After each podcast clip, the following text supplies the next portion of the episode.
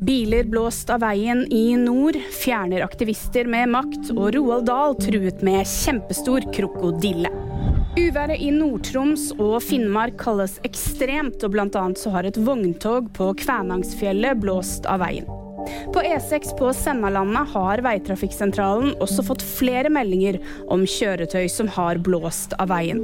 Veitrafikksentralen Nord har prøvd seg på flere bergingsoppdrag, men de har måttet avlyse pga. været. Demonstrantene som sperrer inngangene til Olje- og energidepartementet i Oslo, har lenket seg fast, og blant dem er Greta Thunberg. Natur og Ungdom og Norske Samers Riksforbund krever at 150 omstridte vindturbiner på Fosen blir revet. Nå har politiet fjernet noen av demonstrantene med makt, men det er foreløpig bare de som er til hinder for de ansatte, som er flyttet.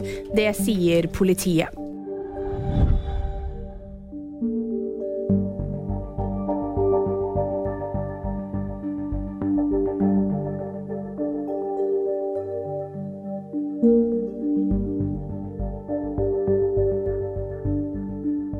Den siste uken så har det stormet verden rundt etter at Roald Dahls forlag Puffin har rensket Dahls barnebøker for såkalt krenkende språk.